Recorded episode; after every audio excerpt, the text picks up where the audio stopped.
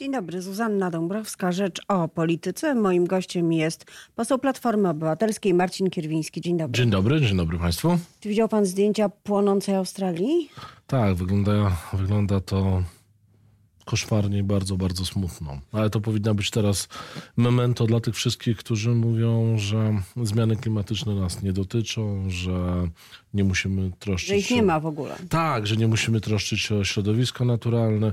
Każdy z tych, każda z tych osób powinna dziś popatrzeć na te zdjęcia i zastanowić się nad tym, co mówiła, bądź co robiła. Ale zanim e, przyjdzie czas refleksji, trzeba e, ugasić ten pożar. Czy świat, w tym Polska, robi wszystko, żeby Australii pomóc? Czy słyszał Pan jakieś oświadczenie naszych e, władz, czy którychkolwiek Ja polityków osta- na ten temat? Ja w ogóle ostatnio mało słyszę oświadczeń naszych władz, e, rządu czy prezydenta na tematy ważne, ważne i dla z perspektywy polskiej polityki zagranicznej i z perspektywy ogólnoświatowej. Ale nie, rzeczywiście y, można mieć takie wrażenie, że Australia została za, zostawiona sama sobie, że to oddzielny kontynent, że jakoś, jakoś to będzie. Że się dzielą wypali. nas, dzielą nas, dzielą nas tysiące kilometrów odległości. Nie mówię tylko Polska, ale, ale kraje europejskie, Amerykę, więc jakoś to Mamy będzie. perspektywę wojny. Po tym, co zrobił Donald Trump. Ja nie wiem, czy aż tak mocno, że mamy perspektywę wojny, bo to, to, to dopiero okaże się, jak, jak będzie stabilizować bądź nie stabilizować sytuacja na Bliskim Wschodzie, ale na pewno mamy do czynienia e, z eskalacją sytuacji na Bliskim Wschodzie. Na pewno mamy do czynienia z sytuacją, w której chyba dla wewnętrznych potrzeb e, Dla Donald, potrzeb kampanii, tak, mówią Donald- demokraci. Donald, Donald Trump zaostrza, zaostrza no, potencjalnie wpycha świat w bardzo, w bardzo istotny konflikt. Ja mam nadzieję, że jednak, że jednak z tego, z tych wydarzeń wielkiego konfliktu ogólno, no, ogólnonarodowego nie będzie. Chyba wszyscy, chyba wszyscy mają nadzieję, że taka y, kolejna, niektórzy mówią, widmo trzeciej wojny światowej jest przed nami, że taka y, katastrofa nie nastąpi. Dzisiaj posiedzenie Rady Gabinetowej.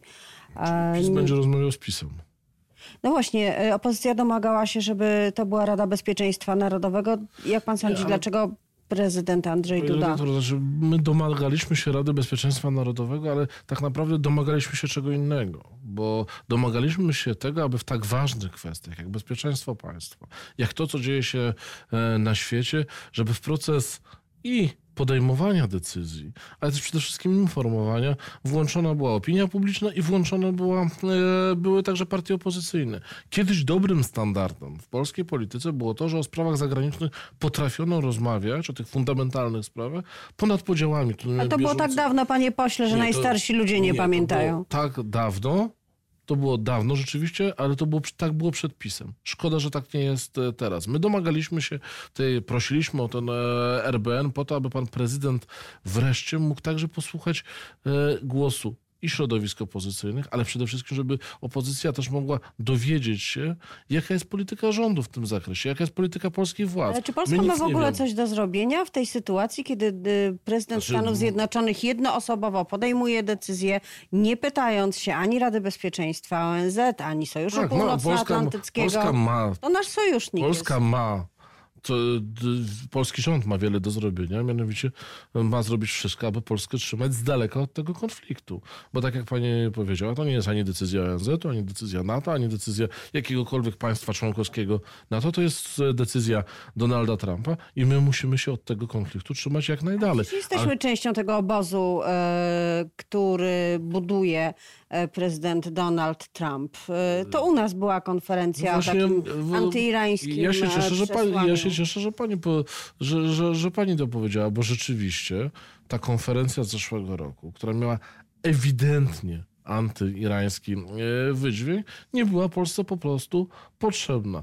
Jeżeli w zeszłym roku wpisaliśmy się w, trochę zajmując się nie swoimi sprawami, e, to dzisiaj powinniśmy zrobić wszystko, aby trzymać się od tej awantury, w którą wpędza potencjalnie świat Donald Trump jak najdalej. Choć trzeba też z drugiej strony powiedzieć bardzo, bardzo, bardzo jasno, że e, sytuacja w Iranie, głównie mówię tutaj o program, e, program broni atomowej, no ona wymaga jakiejś szczególnej troski cywilizowanego świata. To nie jest tak, że tam problemu nie ma. Problem jak jest, widać- jak dochodzić do rozwiązania tego problemu i żeby nie dochodzić takimi metodami, jakie proponuje pan prezydent Jak Trump. Te metody i ta akcja spowodowała, że Irańczycy zjednoczyli się koło teraz już swojego niekwestionowanego bohatera, który zginął w tym I to, e, i to, ataku i to jest największy absurd tej całej sytuacji, że zamiast rozwiązywać, bo realnym problemem jest irański program atomowy. To jest bardzo, bardzo realny pro, problem i bardzo realne zagrożenie. Też trzeba to mówić bardzo, bardzo jasno. Ale ten problem trzeba rozwiązywać, a nie dolewać do tego palącego się ogniska, nomen omen, bo zaczęliśmy od, od pożarów, dolewać benzyny. Donald Trump dolał benzyny na potrzeby wewnętrznej kampanii. A czy Platforma Obywatelska e, dolewa benzyny do konfliktu wokół sądów? Marszałek Tomasz Grocki, e, przedstawiciel, najwyższy przedstawiciel e, opozycji u, u władzy, bo jest marszałkiem, to jest jedna z najważniejszych funkcji w państwie, będzie jeździł po krajach Unii Europejskiej. Przede wszystkim pojedzie do Brukseli, żeby mówić o ustawie, tak zwanej ustawie e, kagańcowej. E, no, władza, e, minister Szczerski na przykład, jest oburzona tym pomysłem. To dwa aspekty. Pierwsza, pierwsza sprawa, jeśli pani redaktor pozwoli, to od, o słowach pana ministra Szczerskiego. Znaczy jest rzeczą nie do pomyślenia, żeby urzędnik państwowy, bo pan minister Szczerski teraz jest urzędnikiem państwowym, urzędnikiem kancelarii prezydenta. Ale przekazuje Dudy. stanowisko pana Nie wiem. prezydenta, jak Ja rozumiem. nie wiem, jakie ma stanowisko pan prezydent Duda. Pan prezydent Duda do wywiadu bodajże w niedzielę w telewizji publicznej y, nie prezentował żadnego stanowiska, schował się i uciekał od problemu. Były święta. To nie tłumaczy. Na okres świąt pan prezydent Duda chyba nie zawiesza swojej prezydentury, choć może w niektórych aspektach byłoby to nawet e, wskazane.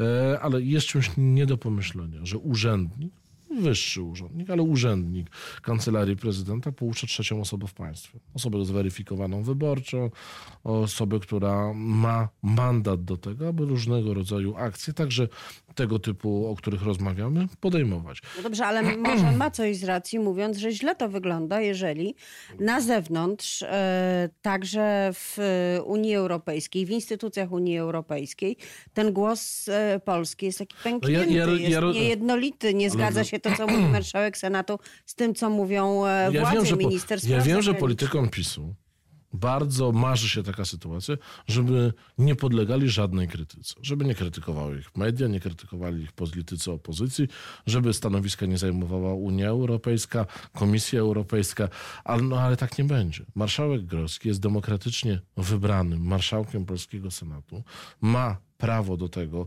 aby spotykać się z politykami z innych krajów, zwłaszcza z zaprzyjaźnionych krajów, takich jak Unia Europejska, i ma prawo także wypowiadać się na temat, e, na temat e, ustawy, ustawy, która jest szkodliwa dla polskiego e, wymiaru sprawiedliwości. Ja nie słyszałem oburzeń z ust pana ministra Szczerskiego, Wtedy, kiedy na Białoruś jeździł pan Karczewski, ściskał rękę panu Może to było zgodne z polityką rządu. Aha, czyli teraz, czyli teraz będziemy mieli taki standard, że można mówić i robić tylko to, co jest zgodne z polityką PiSu.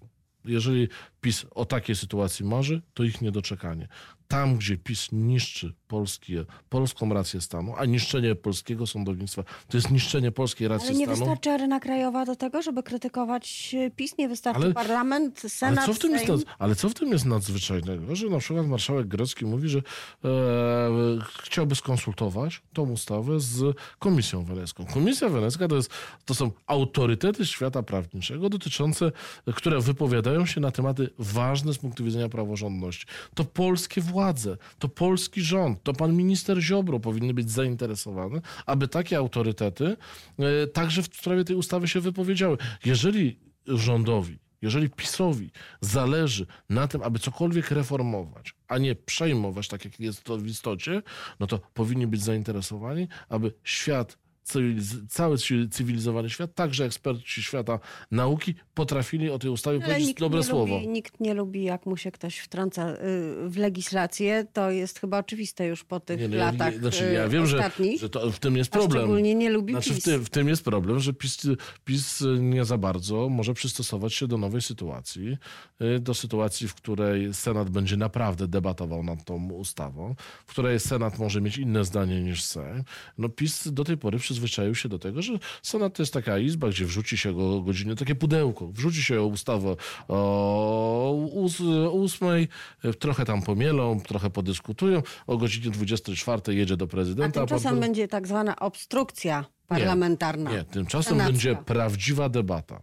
Proszę mi powiedzieć, czy w Sejmie była debata nad tą ustawą. Proszę mi powiedzieć, czy odpowiedziano na fundamentalne pytanie. Ja przez jakiś czas byłem na tej komisji, na tej komisji, którą prowadził pan marszałek, pan przewodniczący Ast, która skończyła się no, tam o piątej czy o szóstej, e, o szóstej nad ranem. Przecież tam nie było odpowiedzi na żadne pytania. Był jakiś, był jakiś populistyczny bełkot o tym, jak PiS chce e, reformować Tak, wymiar chyba, sprawiedliwości. chyba opozycja już powinna być trochę przyzwyczajona do trybu, w jakim działa Prawo i Sprawiedliwość. Jesteśmy. A jest faktem, że nie bardzo jest co z tym zrobić. Jesteśmy, bo- dlatego, dlatego zacząłem od tego, że do polskiego parlamentu wraca debata. W Senacie odbędzie się prawdziwa debata nad tą ustawą. To, czego nie zrobił PiS w polskim Sejmie, odbędzie się w Senacie. I tu musimy w tej sprawie e, postawić kropkę, bo chcę pana zapytać o to, co się dzieje w Platformie Obywatelskiej przed wyborami. I to wcale nie przed wyborami prezydenckimi, jak można by się spodziewać, tylko przed wyborami wewnętrznymi, które za niespełna e, trzy tygodnie, tak? 25, 25 stycznia. pierwsza tura. E, nie wiadomo, czy będzie druga. Jeżeli będzie, to dwa tygodnie później, Później, tak tak? jest. Jest sześcioro kandydatów. E, Wygląda na to, że opozycja, e, która się ukształtowała w Platformie przeciwko Grzegorzowi Schetynie, e, ma sukces, bo udało jej się no, przekonać e, szefa Platformy, żeby nie kandydował, ale z drugiej strony sukcesu nie ma, bo kandydatów jest e, tylu, że właściwie trudno powiedzieć o jakimś wspólnym mianowniku. Podobno Borys Budka jest liderem. Kilka, e, kilka kwestii z tym związanych. Pierwsza sprawa to, to jest wielka zaleta i siła Platformy, że o tą zaszczytną funkcję przewodniczącego ubiega się tak wiele, tak doskonałych kandydatów. Bo proszę zwrócić uwagę, że są to wszystko osoby szalenie doświadczone w polityce. Osoby, które były ministrami, osoby, które były, pe- pełniły najważniejsze funkcje e, w państwie. I to jest cała szóstka, to są osoby szalenie do, doświadczone. Ja uważam, że ten wewnętrzny proces demokratyczny jest szalenie budujący właśnie. On potrafi pokazać, że są możliwe inne standardy od tych, które prezentuje PiS e, tutaj w Polsce i ja, ja akurat bardzo się cieszę, że mogę z pełną odpowiedzialnością powiedzieć, że jestem w, należę do partii politycznej, w której e, najbardziej demokratycznie wybierającej swojego przewodniczącego. Ale to wam zajmie czas, to wam zwiąże ręce. Nie, to nie wią- Różne rzeczy się dzieją Nie, to e, na świecie, w kraju, Nie, to nie wiąże. a To- wy się zajmujecie Nie, sobą. panie redaktor, no, a to, tro, proszę wybaczyć, ale jakbyśmy tak, jakbyśmy tak patrzyli, no to, to w, na ca, w całym demokratycznym świecie nie zachodziłyby zmiany przewodniczących partii, nie zachodziłyby zmiany na najważniejszych funkcjach e, w danych partiach politycznych. Ja jestem głęboko przekonany, że jak kończy się kadencja, każda partia, niezależnie czy to jest dla niej fortunny moment, czy nie, powinna przeprowadzić głęboką debatę. Ta debata to jest, e, określi kierunki, w które potem ta partia będzie podążała, w których będzie podążała teraz? Faworytem jest ten, kto, kto uzyska jak największą liczbę głosów członków Platformy Obywatelskiej. Przed nami kampania. Kandydaci będą jeździli, przekonywali. Na dziś rzeczywiście wydaje się, że takie bardzo mocne poparcie wewnątrz Platformy, wewnątrz struktur Platformy ma, e, ma Borys Budka, ale to trzy tygodnie przed nami każdy z kandydatów będzie pracował. Zobaczymy, jak się to skończy. Jest, ja jestem przekonany co do dwóch kwestii.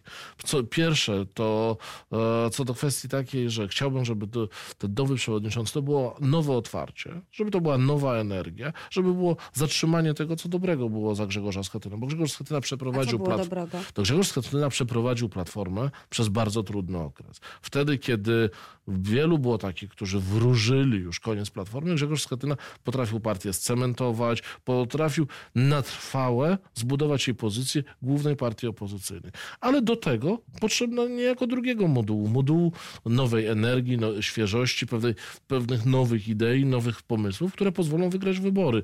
Wo- Wygrać wybory Ile osób będzie głosować? Bo żeby wygrać wybory, y, mówi się o tym, że Borys Budka ma poparcie w regionach. No tylko nie wiadomo, ilu, ile osób z tych regionów będzie głosowało. Czy wy to macie policzone? Jak to się będzie odbywać? Przede wszystkim, czy mamy policzone? Wiemy, wiemy dokładnie, ile jest członków Platformy. Teraz głosować może każdy, każdy, członek, e, każdy członek Platformy Obywatelskiej, który ma zapłacone składki na dany dzień. Ustaliliśmy, że ten dzień to będzie, to będzie e, 17, 17 stycznia. Do tego czasu każda ze struktur Platformy, także moja warszawska czy, czy moja mazowiecka mobilizuje swoich członków, żeby zapłacili składki. Myślę, że to będzie wybór na poziomie no, kilkunastu tysięcy osób, które przyjdą do lokalów wyborczych stworzonych przez Komisję Wyborczą tak, aby zagłosować na przewodniczącego. I to będzie najbardziej demokratyczna procedura. Tylko jeszcze jedno, pani redaktor, bo pani postawiła taką tezę, że dzieją się ważne rzeczy, a my zajmujemy się sami sobą. Nie, my zajmujemy się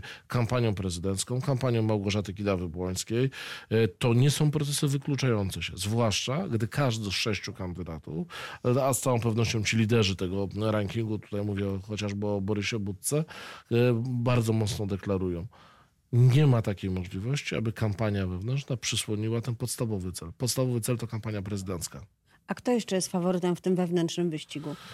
Ja myślę, Powiedział pan Borys Budka. Kto jeszcze? Kto może mu zagrozić? Kto, kto ma szansę? Każdy z, każdy z tej szóstki, z piątki bez Borysa Budki e, może zagrozić. Każdy walczy realnie o zwycięstwo, ale są kandydaci, którzy, którzy z całą pewnością wydaje się, że mają takie instytucjonalnie na starcie większą przewagę. Tomasz Myślę, że Na, pe przez Grzegorza na, pe na, pewno, na pewno jest bardzo, bardzo poważnym kandydatem. Zresztą e, także politykiem szalenie doświadczonym. To, te, te wybory odbywają się w ogóle w grupie ludzi, których się bardzo dobrze zna. Przecież to są wszystko nasi koledzy. Oni też mają wspólne relacje od wielu lat. Są często bardzo, bardzo mocno zaprzyjaźnieni. Tym bardziej to starcie na programy, na wizję będzie ciekawe. Ja uważam osobiście, że Borys Budka jest y, nie tylko dzisiaj y, faworytem tego wyścigu, ale przede wszystkim jest osobą, która gwarantuje najwięcej tej nowej, świeżej energii. To powiedzmy jeszcze na koniec, już krótko, jakie będzie następne wydarzenie w kampanii Małgorzaty Kidawy-Błońskiej, w, e, w kampanii prezydenckiej. Czym będzie grała Platforma, żeby Ale to wzmocnić kandydatkę? Małgorzata Kidawa-Błońska zaproponowała w sobotę zaproponowała podjęcie uchwały przez Sejm Polski dotyczącej nieprawdziwych informacji szerzonych e, na temat Polski przez, e, przez Rosję, przez, Putin, przez Putina. A i to jest coś, na czym teraz będziemy się skupiać. Chcielibyśmy, by, aby taka uchwała wzmacniająca polskie stanowisko, także polski rząd, została przyjęta ponad podziałami. Myślę, że dobrze, że kandydat na prezydenta, wicemarszałek polskiego Sejmu wreszcie myśli po tym, jak patrzy na to PiS, bo w kontrze do tego, co patrzy, jak patrzy na to PiS, wreszcie patrzy z perspektywy interesu całego narodu i wreszcie patrzy z perspektywy takiej, że warto rozmawiać, że warto, aby o takich sprawach wszystkie opcje polityczne potrafiły ze sobą dyskutować. Bardzo dziękuję. Bardzo dziękuję. Moim gościem był poseł Platformy Obywatelskiej Marcin Kierwiński.